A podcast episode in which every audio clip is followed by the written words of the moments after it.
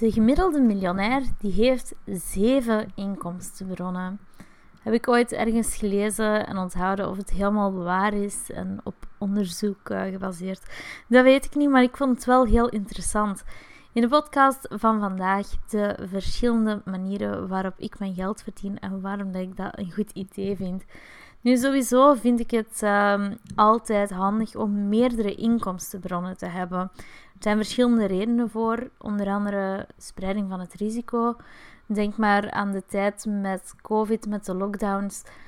Toen had ik nog een beauty salon en opeens we moesten van de een op de andere dag sluiten. En als je volledig afhankelijk bent van die behandelingen, die toen in totaal zeven maanden niet mochten doorgaan, dat is een heel serieuze streep door de rekening. Op dat moment had ik daarnaast ook nog een deel retail, dus verkoop aan particulieren van zowel verzorgingsproducten, een aantal gadgets, dat soort dingen. En ik had de groothandel, een groothandel vooral um, voor beauty professionals, kunstnagels en lashlift producten verkochten we daar. Natuurlijk, dat lag ook wel redelijk op zijn gat, maar toch, er kwam nog een beetje van binnen. Toen wist ik het al dat ik um, altijd moet zorgen als zelfstandige, dat ik verschillende inkomstenbronnen heb, maar dat heeft er wel voor gezorgd dat ik op die moment niet enkel afhankelijk was van een uitkering van de overheid, want die gaat er natuurlijk niet in ieder geval komen. Dus uh, een eerste reden voor meerdere inkomstenbronnen is altijd het risico kunnen spreiden. Het risico dat er iets gebeurt waardoor dat er eentje opdroogt. Ik heb vroeger, vroeger ook een webshop gehad in cosmetica. Een van mijn grootste merken eiste opeens zijn merkrecht zelf op. Wat betekende dat er niemand van de Europese distributeurs, distributeurs zelf nog mocht verkopen ja, dat zijn rampen als zoiets gebeurt. We hadden twee weken om alles uit te verkopen. Dus hou er altijd rekening mee dat ook in uw business kan het zo zijn dat opeens alles opdroogt en alles weg is. Daarnaast is het ook belangrijk om te gaan spreiden, omdat bepaalde jobs nu eenmaal fysiek meer van een mens vragen. Als je enkel terrassen legt, dat kun je geen jaren blijven volhouden. 40, 50 uur per week of misschien nog meer. Dat gaat nu eenmaal niet. Ik had zelf begin van het jaar een tenniselleboog. Deels door stress, maar ook zeker door overbelasting. Omdat ik toen heel veel nagels aan het doen was, uh, kunstnagels. Dus ook weer een reden om te zorgen voor verschillende inkomstenbronnen. Zorg ervoor dat al uw manieren van geld te verdienen, dat die op een andere manier jullie gaan belasten. Want belasten gaan ze sowieso. Daar um, kunnen we niet omheen. En een derde reden die dat voor mij heel belangrijk is, ik word dingen gewoon heel snel beu als ik ze te veel doe. Ik, um, ik wil mezelf niet wispelturig noemen, maar wel nieuwsgierig naar nieuwe zaken. En ik hou wel enorm van afwisseling. Dus ja, daarom ook, dan is het heel handig dat je met verschillende interesses inkomsten kunt verdienen natuurlijk. Hoe doe ik dat op dit moment? Ik heb uh, voor een deel leef ik nog van mijn beautybehandelingen. Ik doe nog uh, kunstnagels, alle verschillende facetten daarvan. Um, ontharingen met suiker en permanente make-up. Dus dat doe ik nog. Dat is nog een deel van mijn inkomen. Daarnaast ben ik bezig als uh, digitale marketeer. Wat houdt dat in? Ik schrijf teksten voor ondernemers, vooral webteksten. Dus voor hun website, uh, blogs, social media, dat soort zaken, maar evengoed folders en zo verder.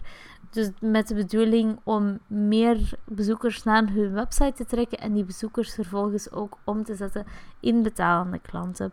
Dus dat is iets waar ik me op richt en wat ik ook nog verder wil gaan, um, gaan uitwerken. Natuurlijk, die eerste twee zijn echt uurtje factuurtje, de beauty en de marketing taken. Dus als ik niet gewerkt heb, dan heb ik ook niks verdiend ik wilde daar een schaalbaar model naast zetten en daarom heb ik de SEO SOS-boxen gecreëerd.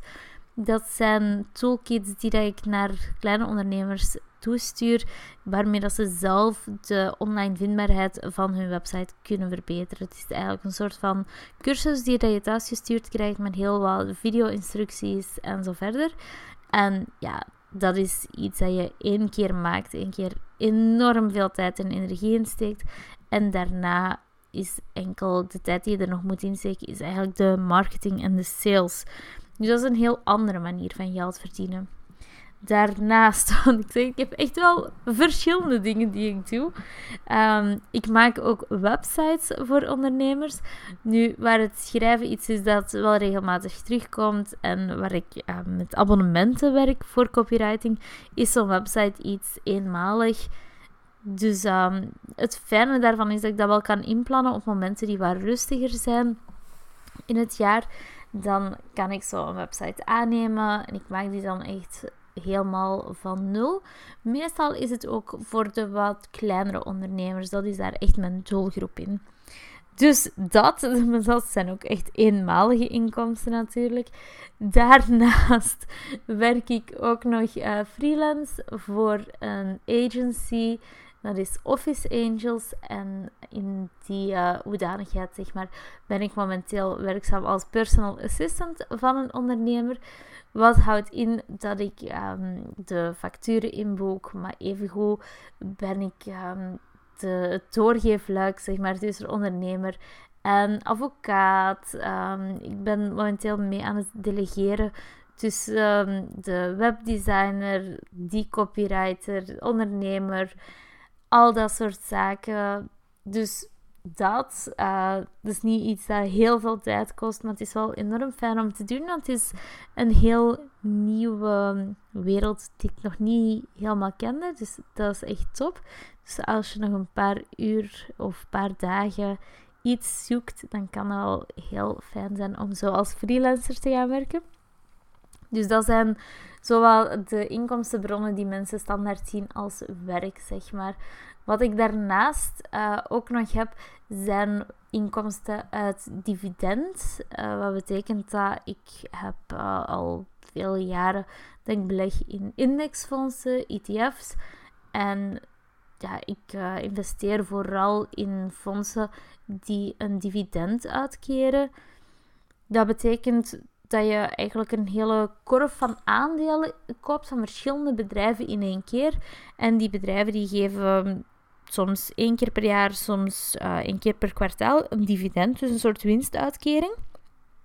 Daar kan je, als je heel veel geld hebt geïnvesteerd, kan je daarvan leven. Dan heb je daar eigenlijk genoeg inkomsten van. Zover is het bij mij absoluut nog niet. En het is ook heel wisselend hoeveel het er daarvan binnenkomt als dividend. Want dat hangt er natuurlijk vanaf hoe het bedrijf heeft gepresteerd het voorbije jaar of voorbije kwartaal. Um, ik hou daarbij een Excel en er is voorlopig nog niet echt heel veel uh, interessants over te melden. Ik, uh, ik kan stoppen met werken, maar dan moet ik overmorgen wel terug beginnen, denk ik. Um, maar ik zou in principe dat dividend en de interest en zo die ik verdien op mijn indexfondsen, die zou ik kunnen opnemen en dat als een stukje inkomen zien op dit moment vind ik dat nog zonde, want het is niet nodig.